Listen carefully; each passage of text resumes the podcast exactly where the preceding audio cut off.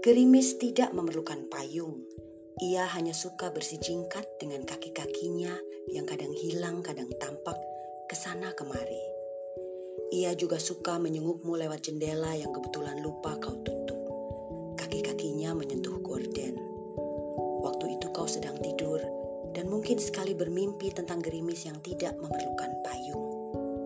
Ia menyayangimu sungguh meskipun tidak pernah memimpikanmu yang sedang bermimpi tentangnya. Ia juga tidak memerlukan mantel atau sepatu boot.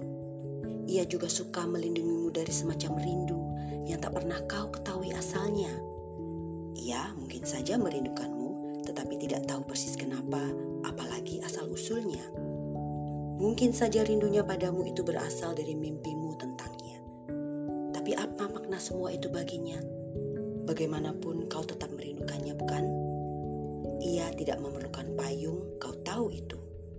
Namun kau sedang tidur merindukannya, merindukan kaki-kakinya yang seperti bulu-bulu beludru. Tak ada yang bisa menandingi kaki-kakinya, kau tahu itu. Itulah pula sebabnya dalam tidurmu, kau sering memimpikannya bersicingkat menyengukmu ketika kau sama sekali tidak menyadari suasana yang sangat indah itu. Sulit digambarkan bagaimana kaki-kakinya itu bersih cepat di sela-sela daun, di atas merah bunga yang menggigil, sepanjang jalan yang ujungnya menyelma kabut untuk kemudian menyengukmu lewat jendela yang lupa kau tutup. Tidak ada yang tahu dengan pasti tentang hubunganmu yang sebenar-benarnya dengannya. Ia pun tidak, apalagi daun atau warna bunga atau jalan yang sangat sering kau bayang-bayangkan ujungnya. Kau pun tidak, bukan?